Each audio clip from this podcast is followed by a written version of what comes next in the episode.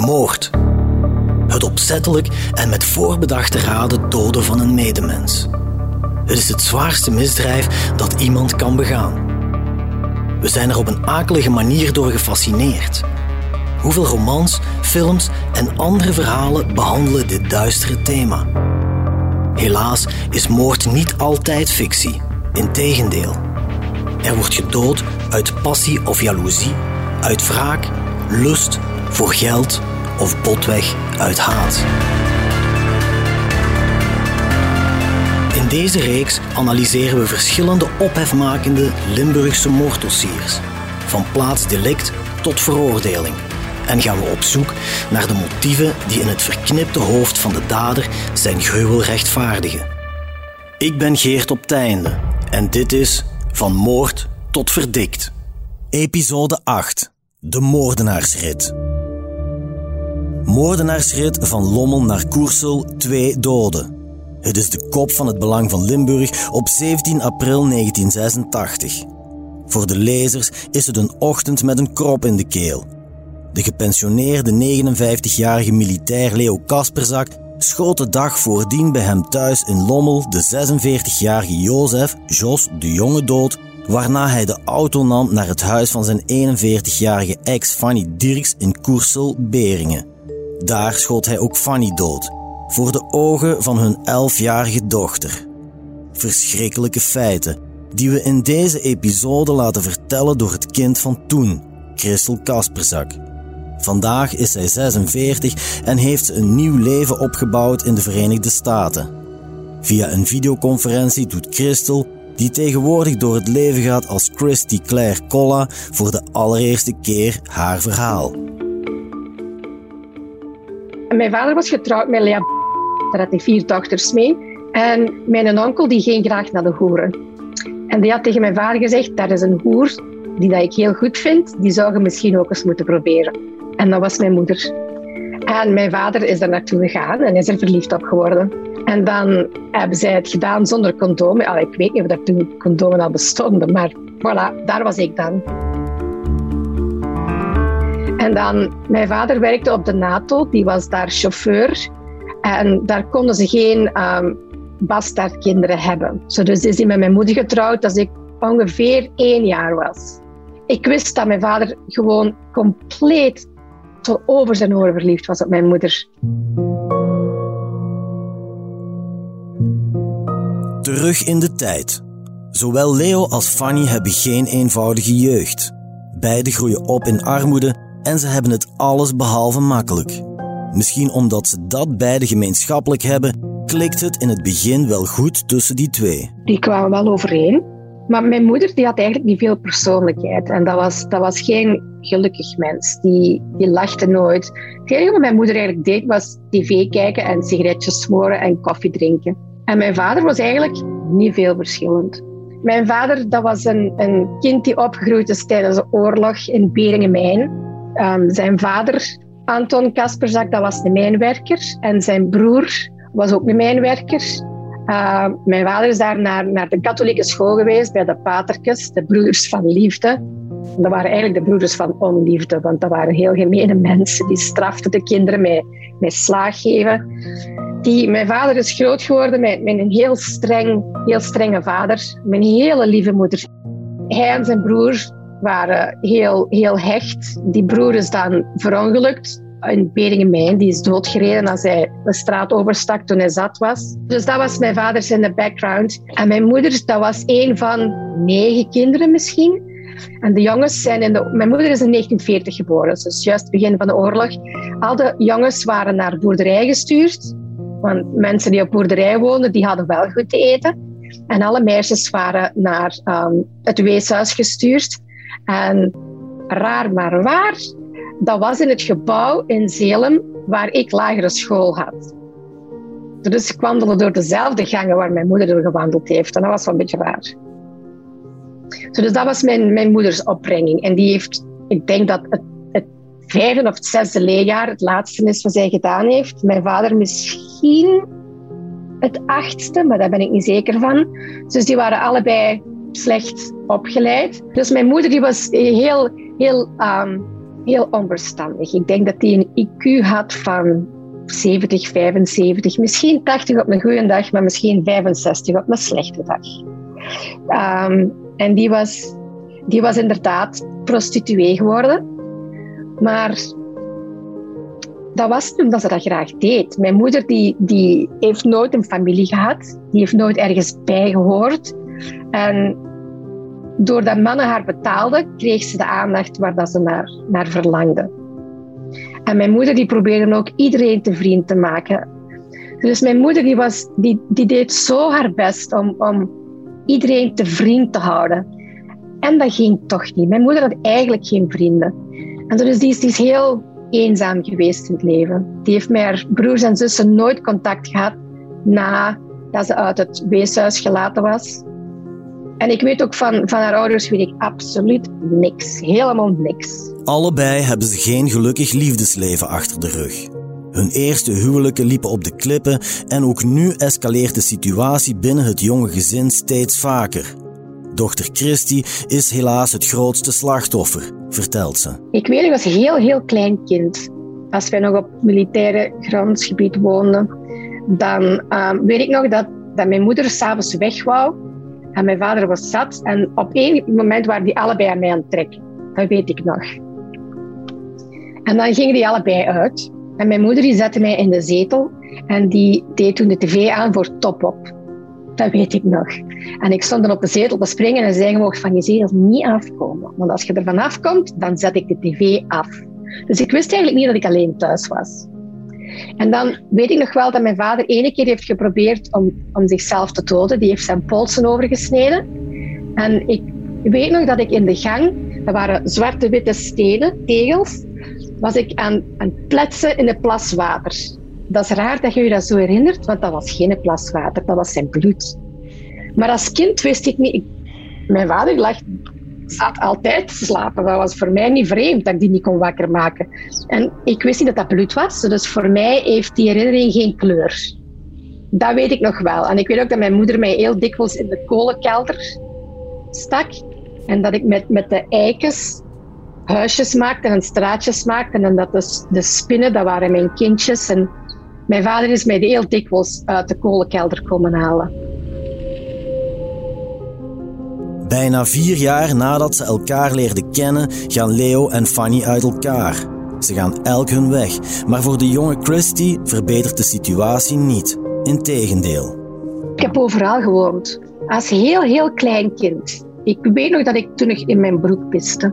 Heeft ze mij naar een instituut gestuurd voor um, mentaal gestoorde kinderen, omdat ze dacht dat ik um, niet goed in mijn kop was.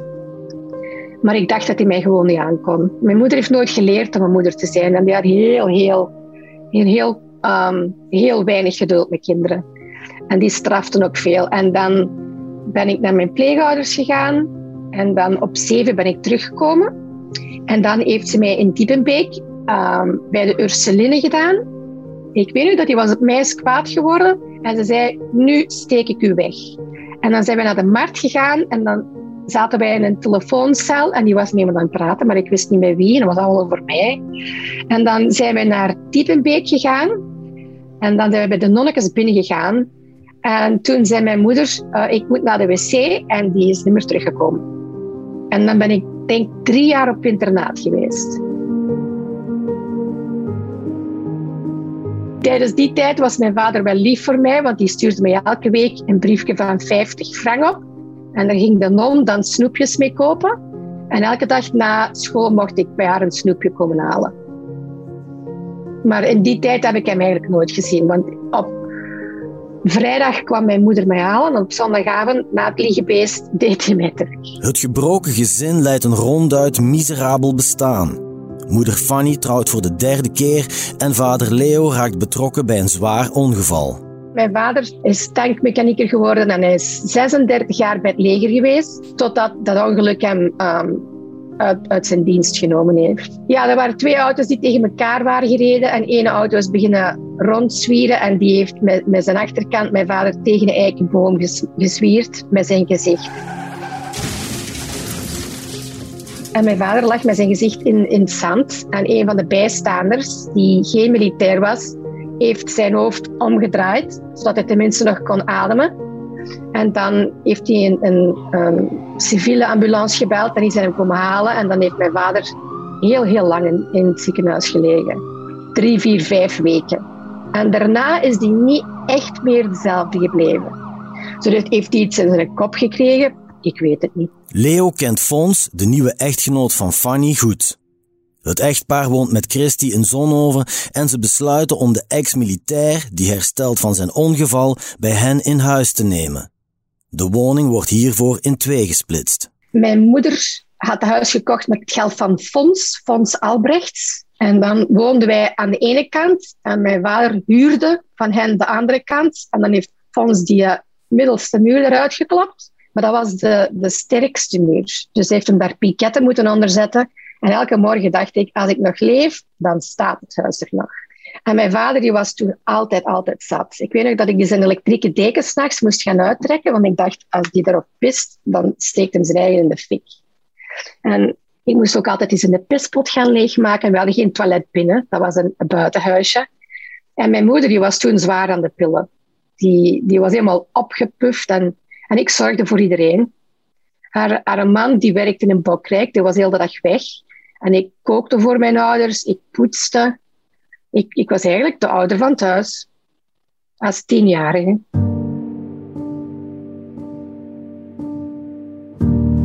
Terwijl Christy drie jaar lang tussen haar thuis en het internaat in Diepenbeek pendelt, houdt ook het huwelijk tussen Fanny en Fons niet stand. Ze gaan uit elkaar. Moeder Fanny leert weer een nieuwe man kennen, Jos de Jonge. En met hem verhuist ze naar stal bij Koersel. Ik heb met Jozef de Jonge nooit, ik heb daar nooit problemen mee gehad. Tegen mij heeft hij nooit iets verkeerd gezegd, die heeft mij nooit geslagen, die heeft mij nooit seksueel misbruikt. Voor mij was dat een goede mens. Al die meubelen die wij hadden, dat was via een vriend van hem. Hoe dat die aan die meubelen gekomen waren, dat weet ik niet, maar die leende ons uit. En ja, Jos, die, die, die zat met loesje zaakjes. Wat dat was, dat weet ik niet. En we waren heel arm, we hadden geen chauffage. Ik weet nog dat op de vensters ijsbloemetjes kwamen. En dat ik onder vier dekens lag en dat mijn tenen nog altijd koud waren. Uh, er was nooit iets te eten. Ik maakte klop-klop voor, voor um, ontbijt. En mijn moeder die ging naar de geburen en die, die deed mij die hun naft pikken door um, een pijpje in die hun gastank te stoppen. En dan moest hij eraan zuigen. En als die naft eruit kwam, dan deed hij dat in busjes om in onze gastank te gaan doen. Als ik nu benzine ruik, dan ruik ik geen benzine. Ik smaak benzine. Dus ik, ik wist dat mijn, mijn moeder en haar lief dat die in loesjezaakjes bezig waren. Dat mocht allemaal het daglicht niet zien. Dat wist ik wel. Maar ik ging gewoon naar school en ik deed mijn huiswerk en ik deed mijn best. Ik deed de was en de strijk en ik schilderde patatjes. ik deed alles voor iedereen. Wanneer Jos en Fanny samenwonen in Koersel, ziet dochter Christy haar vader Leo ook nog regelmatig. Hij woont intussen in Lommel. Ik ging daar soms bij slapen en ik weet niet, dat was een opklapbed. Op een nacht was ik in het midden gaan zitten in dat bed en de bed had dichtgeklapt. En ik was aan het roepen, maar ik zat zo tussen die twee stukken van die matrassen en die hoorde mij niet. En die kwam slapen en die was vergeten dat ik daar was. En uiteindelijk heb ik zo gewiebeld dat dat bed is omgevallen. Dus ik weet dat hij toen ook veel zat was. Maar hij was vriendelijk voor mij. Hij liet me naar tv kijken en hij maakte eten voor mij. Um, ik had daar toen geen problemen mee. Hij is eigenlijk de enige geweest van mijn ouders die mij nooit geslagen heeft. Het ergste wat hij ooit gedaan was, was aan mijn vroegtrek. Rustig. Um, maar ik weet nog wel dat als, als ik tegen hem iets verkeerd zei, dan sprak hij mij tegen, tegen zes weken geen woord. En dat vond ik vreselijk wat hij tegen mij niks zei. Die deed gewoon alsof ik niet bestond. Dat, die was voor mij niet slecht, maar die deed voor mij ook niks. De verstandhouding tussen Christie's vader Leo en diens ex Fanny en haar nieuwe vriend Jos is niet goed. Een verkeersongeval op 2 april luidt het begin van een nieuw drama in. Dan woonden mijn moeder en mijn, mijn moeder haar lief en ik in Koersel, in stal Koersel, in de Pijnboomstraat. En wij hadden een ongeluk gehad met de auto. Um, Jos die was ergens aan een, een stop, uh, stopsignaal niet gestopt. En de auto had ons van de rechterkant um, aangereden. En dan zijn we op een, op een muurtje gevallen. En mijn moeder die was toen tamelijk zwaar gewond. En ik had mijn voet gebroken. En ik weet niet waarom mijn moeder niet in het ziekenhuis gebleven is, maar wij hadden een ziekenhuisbed ehm, thuis in de living staan. En ik had een hele zware gips gekregen met zo'n rubberen voet. En ik was daar te vroeg op gaan wandelen, want ik zorgde voor mijn moeder. En dat was eenmaal aan het afbrokkelen en dat begon te bewegen. En dan had mijn moeder gezegd tegen, tegen haar lief, gaat maar naar haar vader geld halen om haar een nieuwe gips te geven. En dan is die weggereden. En blijkbaar, volgens mijn vader, is die daar toegekomen en hij heeft gezegd: Ik ken judo en karate en geef mij al uw geld. Christie's moeder en haar vriend Jos zitten financieel aan de grond en kunnen een nieuw gipsverband voor hun dochter niet betalen. Leo, de vader van Christy, zou wel nog wat geld hebben dat hij van de verzekering krijgt sinds zijn zware ongeval op het militair domein waarover we eerder vertelden. Dus stuurt Fanny op 16 april, twee weken na het verkeersongeval waarbij zij en Christy gewond raakten, haar vriend Jos naar Leo thuis in Lommel. De confrontatie tussen de twee mannen en de vraag naar geld voor een nieuwe gips zijn er blijkbaar te veel aan. Leo's stoppen slaan helemaal door. Dan heeft mijn vader op hem geschoten. En dan is hij toch nog buiten geraakt, Jos. En is hij op de, op de stoep in elkaar gezakt. En daar was dan de burger. deze feiten heb ik van de politie. Die op de deur geklopt had en, en had gezegd, mag ik u helpen? Want die zag dan dat Jos ineengestuikt was. En mijn vader deed de deur open met geweer in zijn hand en hij zei, nee, deze kan ik wel zelf afmaken. En die mens is doorgegaan. Dan heeft mijn vader hem opnieuw aangeschoten en was hij dood.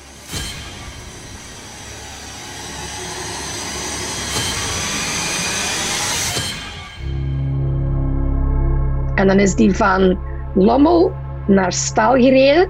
Hij zei aan 40 km per uur om toch maar niet door de politie gestopt te worden. En dan zag ik de Ford, zag ik de Ford Taurus um, aankomen en dan ging ik naar de gang waar dat de deur van de garage uitkwam. En dan was mijn vader met zijn geweer. En ik zei, papa, wat doet jij hier? En hij zei, daar, gaan zitten. En mijn moeders bed stond hier in de living en ik had hier een, een zetel waar ik gaan inzetten was. En hij kwam binnen en mijn moeder keek heel verbaasd en hij hefte zijn geweer op en hij schoot naar haar. En juist voordat hij schoot, deed hij haar handen omhoog, al, alsof dat ze wou stappen, maar hij had daar een, een, een geluidsdemper aangeschroefd. Dus voor mij was dat helemaal raar, want ik hoorde eigenlijk niks. Dat was misschien gelijk als je een, een kurk tegen de muur gooit, zo, zo sterk maar. Mijn moeder die werd ineens zo bleek gelijk jonge kaas. Die haar lippen dat waren helemaal wit. En er was nergens bloed, want die is in, inwendig doodgebloed. En dan na een paar minuten bewoog die. En ik dacht, oh, ze leeft nog. En dan heeft mijn vader dat weer opnieuw geladen. En dan heb ik hem gevraagd, papa, gaat je mij ook doodschieten? En hij zei, nee, zij heeft er misschien nog een nodig. En dan stond hij daar met zijn geweer opnieuw herladen. Hij heeft niet meer geschoten, want ze was wel dood. En dan zei hij tegen mij, en nu moet je de, de politie bellen. En ik weet nog dat, dat, dat ik die nummers mij niet meer herinnerde. En dat was met zo'n draaitelefoon en, en mijn, mijn, handen die beefden. Dus ik, ik kon eigenlijk niet goed draaien. En heb ik eerst naar een verkeerd nummer gebeld. En dan uiteindelijk heb ik wel de politie kunnen bellen. En ik weet niet meer goed wat dat ik die gezegd heb. Waarschijnlijk. Mijn papa heeft mijn mama doodgeschoten. En dan heb ik neergelegd en ik moest naar, naar de wc. En mijn vader zei, je moet fluiten als je naar het wc gaat. Maar mijn lip die bibberde en ik kon niet fluiten. En de hele tijd dacht ik, ja, nu ga ik eraan. Hè. Dat is dan toch niet gebeurd. En toen zei hij tegen mij, je gaat mij een zat koffie maken. En juist toen kwam de politie aan. Hij had die niet eerst gezien, maar ik wel, omdat die allemaal rond het huis kwamen, allemaal op, op hun buik met geweren. En dan hebben die aangebeld of geklopt op de deur, ik weet het niet meer. En dan is mijn vader naar de voordeur gegaan, heeft zijn geweer neergelegd en zijn handen opgehouden. En dan is er de politie binnengekomen. En die twee mannen die, die voor mij gezorgd hebben, die hebben mij dan mee naar de auto genomen. En ik heb mijn moeder niet zien buiten dragen. Dus wat, wat er met haar gebeurd is, dat weet ik niet. Na de dubbele moord laat de onderzoeksrechter dader Leo Kasperzak in de gevangenis opsluiten. Dochter Christy is in één klap zowel haar vader als haar moeder kwijt. Politie en gerecht zoeken nog opvang voor haar. Zo komt ze in contact met het pleeggezin waar ze eerder al een keer verbleef nadat haar moeder haar had weggestuurd. En dan ben ik ene nacht bij die um, ehm, BOB gebleven en zijn vrouw. En dan daarna ben ik um, naar, naar een observatieinstelling um, gestuurd in Bonheide. Daar ben ik dan, denk drie maanden gebleven. in observatie. En Christian en Leen, dat was mijn pleegzus, die zijn mij toen wel dikwijls komen bezoeken. En die zeiden, als je wilt, mocht je mee terug naar huis met ons. Maar toen mijn moeder juist was doodgegaan, heb ik mij heel sterk gehouden. Want ik dacht, nu is er niemand die nog voor mij gaat zorgen. En ik dacht, als ik nu begin te wenen, dan komt er niks meer van. En dan is uh, jeugdrechter de Vos mij komen halen. En hij zei, waarom weent je niet? En toen had ik gezegd, of dat ik nu ween of niet, die komt toch niet meer terug. En toen had hij waarschijnlijk gedacht dat er met mij echt iets was. Ik was zo in, in, in shock dat ik mij gewoon heel stijf hield. En ik weet nog wel dat ik in mijn bed elke nacht weende en dat ik dacht, wie gaat er nu voor mij zorgen? Overmand door verdriet wacht Christy nog een pijnlijk laatste afscheid tijdens de begrafenis van haar moeder Fanny en haar vriend Jos. Naar zijn begrafenis ben ik geweest in Lommel. En daar was heel veel volk. Aan de begrafenis van mijn mama, daar was niemand. En dat was wel een beetje raar.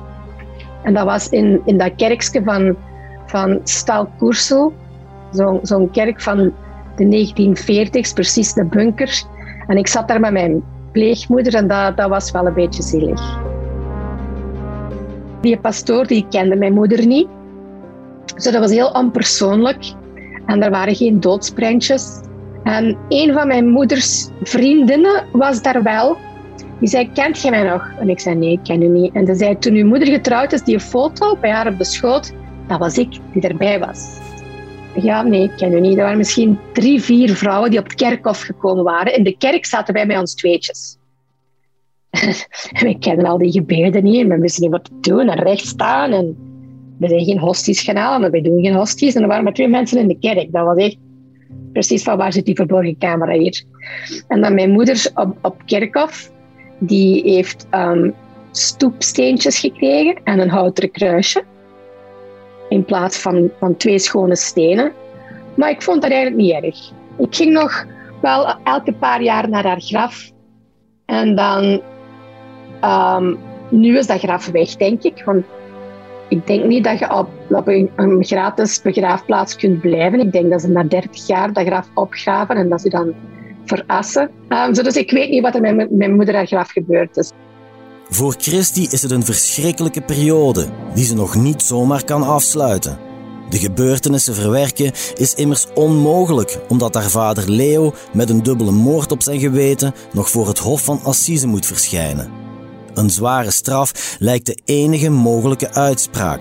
Maar Leo's advocaat kiest tijdens het proces voor een opvallende strategie. Eentje die zowel in de rechtszaal als daarbuiten nog lang zal nazinderen. U hoort het morgen in aflevering 2 van De Moordenaarsrit. U luisterde naar Van Moord tot Verdikt, een true crime reeks van HBVL Podcast. Samenstelling door Geert op Teinde, Nancy van de Broek, Filip Perges en coördinator Cato Poelmans. Montage en audioproductie door Len Melot en Glenn Legijn. Chef podcast is Geert Nies. Zit je met vragen over zelfdoding, dan kan je terecht bij de zelfmoordlijn op het gratis nummer 1813 en op www.zelfmoord1813.be. Reageren, dat kan via podcast@hetbelangvanlimburg.be. Ben je benieuwd naar meer nieuws en verhalen? Surf naar hbvl.be/voordelig en ontdek onze voordelige leesformules.